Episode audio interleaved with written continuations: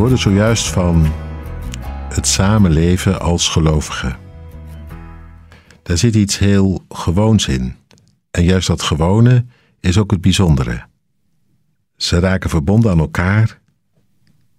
Ze leven uit het geheim van de opstanding en die opstanding werkt door in hun bestaan. Ze worden er een ander mens van. En dat lezen we ook in het vervolg. Hoe ver dat doorwerkt. Tot in de omgang met hun bezit. Tot in hun portemonnee. En dat is wel heel ver. Iemand schreef een keer. Vaak is je portemonnee het laat, de laatste die het merkt dat je bekeerd bent. Nou, in dit geval wordt het hier als eerste genoemd. Dus dat is wel een hele krachtige doorwerking van bekering en opstanding. Want wat staat er? Vanaf vers 34: Niemand onder hen leed gebrek. Wie een stuk grond of een huis bezat, verkocht het, bracht de opbrengst naar de apostelen en legde die aan hun voeten neer, waarna het geld, waarna het geld naar behoefte onder de gelovigen werd verdeeld. Dat is wel heel bijzonder om dat te zien. Mensen die niet langer zeggen: Dit en dat is van mij, ik heb er hard voor gewerkt en eerlijk verdiend. Maar die zeggen: Ik heb meer dan genoeg. Overvloed. Daar kan een heleboel af.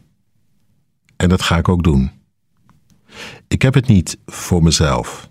Ik heb het om het goed te beheren, om ervan te delen. Ik zie het gebeuren. Mensen die dan iets verkopen, een stuk grond of een huis waarin ze geïnvesteerd hadden. Nee, niet hun eigen huis, maar gewoon. Het was toen blijkbaar ook al zo dat mensen soms meer dan één huis hadden. En dat dan inzetten, besteden voor mensen die het hard nodig hebben. Omdat die ander je broeder is, je zuster. En je niet kan maken dat het bij jou niet op kan. En dat het bij de ander armoe is dat hij op een houtje zou moeten bijten.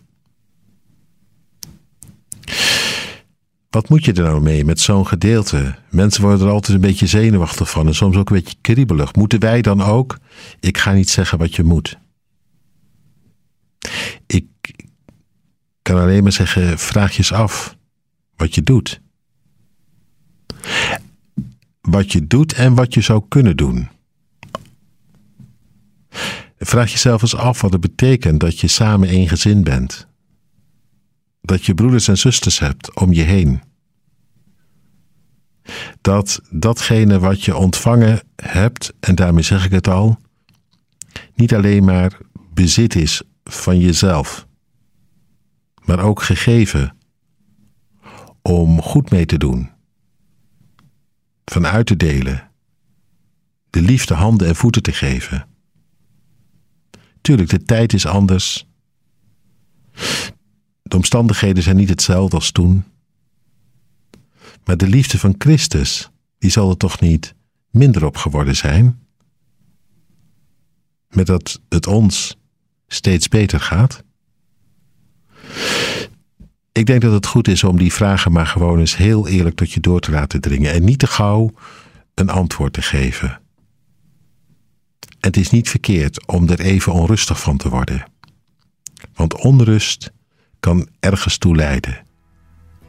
Tot iets moois, tot iets goeds, tot iets van God. De geest zal het zelf wel laten zien, als je er eerlijk over wordt. Naar jezelf en voor Hem.